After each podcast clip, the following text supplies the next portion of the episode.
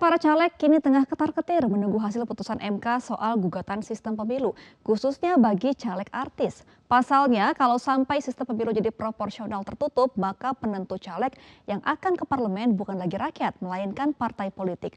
Lalu caleg artis bisa apa? Berikut liputan Jane William dan Sukma Setia Budi untuk Anda.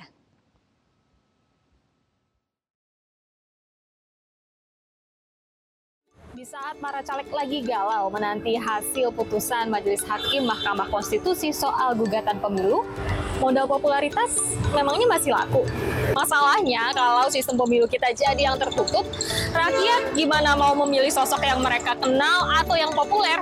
Karena di surat suara sudah tidak ada lagi nama calegnya, melainkan hanya lambang partai politik saja.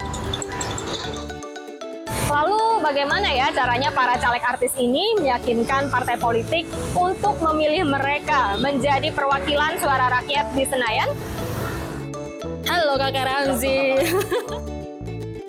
Halo Kakak Napa. Mas Eko Patrio, apa kabar? Lagi mau nelpon langsung ditembak nih. Gimana gimana gimana? gimana? Jelang pemilu 2024 pasti makin sibuk dong. Ya Bismillah ikhtiar. Hmm. Ya kita terus konsolidasi kita terus turun ke bawah. Sangat sangat sibuk sekali, luar biasa. Padat merayap, selalu ada di dapil. Kita membahas yang lagi hangat diperbincangkan Mas Eko soal sistem pemilu tertutup dan terbuka ini. Kalau misalnya sampai jadi tertutup dikhawatirkan kan nanti pemilih kalau misalnya mau memilih udah nggak ada lagi nama-nama calegnya yang dipilih parpol. Gimana dari Mas Eko? Ya yang pertama kan sebenarnya uh, kalau memang benar terjadi jadi proporsional tertutup. Itu gugatan MK yang dulu yang 2008 akhirnya jadi tergerus dong ya kan? Sayang banget udah diputuskan terbuka kan awal tertutup. 2008 terus ya di, di, diberikan keterbukaan. Buat saya lebih lebih terbuka ya artinya terbuka satu memberikan rasa adil ya kan? Adil itu artinya siapa pun yang kerja yang mau turun ke dapil ketemu masyarakat ketemu konstituennya pasti diganjar yaitu rewardnya terpilih. Kalau sekarang terjadi nantinya akan KKN kalau saya lihat siapa yang dekat dengan ketua umumnya, siapa yang dekat dengan elitis partai, maka dia akan dipilih menjadi nomor urut yang terdepan walaupun tidak kerja. Gimana Kak Ramzi melihatnya? Jujur buat saya aja semua uh, para caleg dan kebetulan 8 atau 9 partai sudah sudah sepakat berharap untuk sementara ini 2024 jangan diganti uh, dulu prosesnya tetap terbuka ini kita semua harap-harap cemas gitu ya. Nah kalau buat uh, saya gitu ya, uh, kembalikanlah uh, kedaulatan itu memang di tangan rakyat. Biarlah mereka-mereka memilih calon-calon uh, apa uh, anggota legislatif yang mereka inginkan. Karena kalau kita hanya memilih partai dengan kata lain tertutup, itu mereka para masyarakat di bawah khususnya di dapil masing-masing tidak tahu siapa nanti yang akan partai calonkan kalau memang partai tersebut mendapatkan kursi. Sebenarnya isu itu lagi benar-benar hot banget ya karena lagi diperbincangkan pada seluruh uh, caleg semuanya yang ada di sini gitu.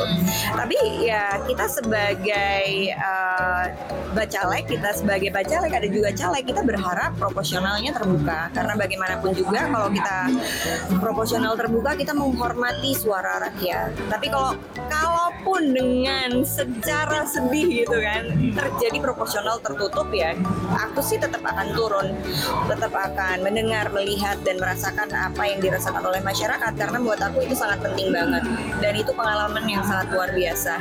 Dan aku harap uh, kalau seandainya terjadi proporsional tertutup ya partai bisa melihat dan mempertimbangkan siapa yang benar-benar bisa menjadi wakil yang sesungguhnya untuk masyarakat gitu loh. Jadi kayak nggak nggak cuman ya milih karena dia orang tua atau, atau berkuasa tapi benar-benar siapa sih yang terwakilkan untuk masyarakat ini yang memang benar-benar dia tuh berhak untuk duduk di situ dan mewakili semuanya gitu. Mas Eko uh, kita membicarakan terkait stigma yang ada di masyarakat. Kan ada stigma kalau oh, caleg artis cuma modal popularitas nih. Nah, mematahkan stigma itu gimana Mas Eko?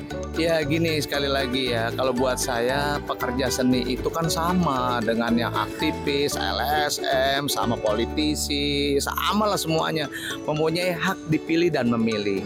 Dan punya hak juga untuk menang gitu loh ya. Nah terus yang ketiga adalah stigmanya. Ya udah kita sebagai pekerja seni buat saya adalah bagaimana caranya dia menjadi anggota dewan profesional. Artinya profesional pada saat dia jadi anggota dewan ya benar-benar uh, kaitan dengan masalah apa yang dilakukan di DPR sana atau di DPRD provinsi misalnya gitu. Popularitas itu itu eh, apa eh, alhamdulillah buat saya secara pribadi ya saya nggak mewakili para, public figure yang lainnya ya. Memang kita sudah dapat tapi apakah itu menjadi segala-galanya? Enggak juga Oh, jangan khawatir yang lain. Enggak juga gitu. Popularitas iya memang sangat dibutuhkan. Tapi bukan segala-galanya. Percuma populer tapi kalau tidak mempunyai kinerja tidak mempunyai kapabilitas tidak mempunyai niat baik untuk selalu turun memberikan eh, apa eh, kontribusi untuk masyarakat percuma juga nggak akan terpilih juga. Popularitas itu adalah suatu bonus ya karena kita sebagai public figure memang kita mempunyai uh, selling point sendiri di mana uh, menjadi suatu kekuatan juga sebagai uh, seorang public figure untuk mendapatkan suara yang lebih banyak. Tapi juga itu tidak bisa menjadikan apa namanya senjata bahwa kita benar-benar akan uh, sukses di situ gitu. Karena kan bagaimanapun juga harus tetap yang utama kita mendahulukan kepentingan dari masyarakat. Mengerti tentang isu masyarakat di uh, di dapil itu seperti apa karena penting sekali buat kita kita sebagai bacalek atau caleg untuk turun dan mendengar langsung aspirasi dari masyarakat.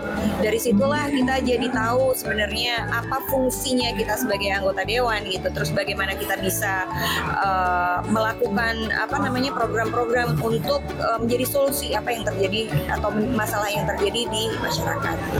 Ya, nggak salah juga sih kalau para caleg artis ini mengandalkan popularitas mereka untuk meraup suara. Tapi kalau sistem pemilunya berubah jadi yang tertutup, mereka bisa apa? Ya, jangan sampai polemik ini malah menjadi kemunduran bagi demokrasi kita. Sekjen Gerindra Ahmad Muzani mengaku menerima usulan nama Erick Thohir untuk dipasangkan dengan calon presiden Prabowo Subianto. Muzani pun berjanji untuk menindaklanjuti usulan itu ke Prabowo. Hal tersebut disampaikan Sekjen Gerindra Ahmad Muzani usai menyambangi kantor DPP PAN di Jakarta Selatan pada Senin sore. Pertemuan yang digelar selama hampir dua jam ini menyepakati sejumlah hal. Selain mengusulkan Erick Thohir menjadi cawapres Prabowo, Gerindra dan PAN juga sepakat dengan sistem pemilu terbuka. Kedua partai yang pernah bekerja sama sejak 2014 itu menolak bila sistem pemilu diubah menjadi sistem tertutup.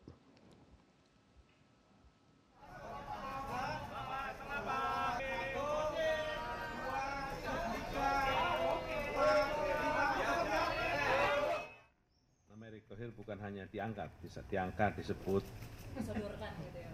Iya. Kalau menurut Mas Yeti kan menu wajib yang harus diomongkan. Jadi karena itu kami merasa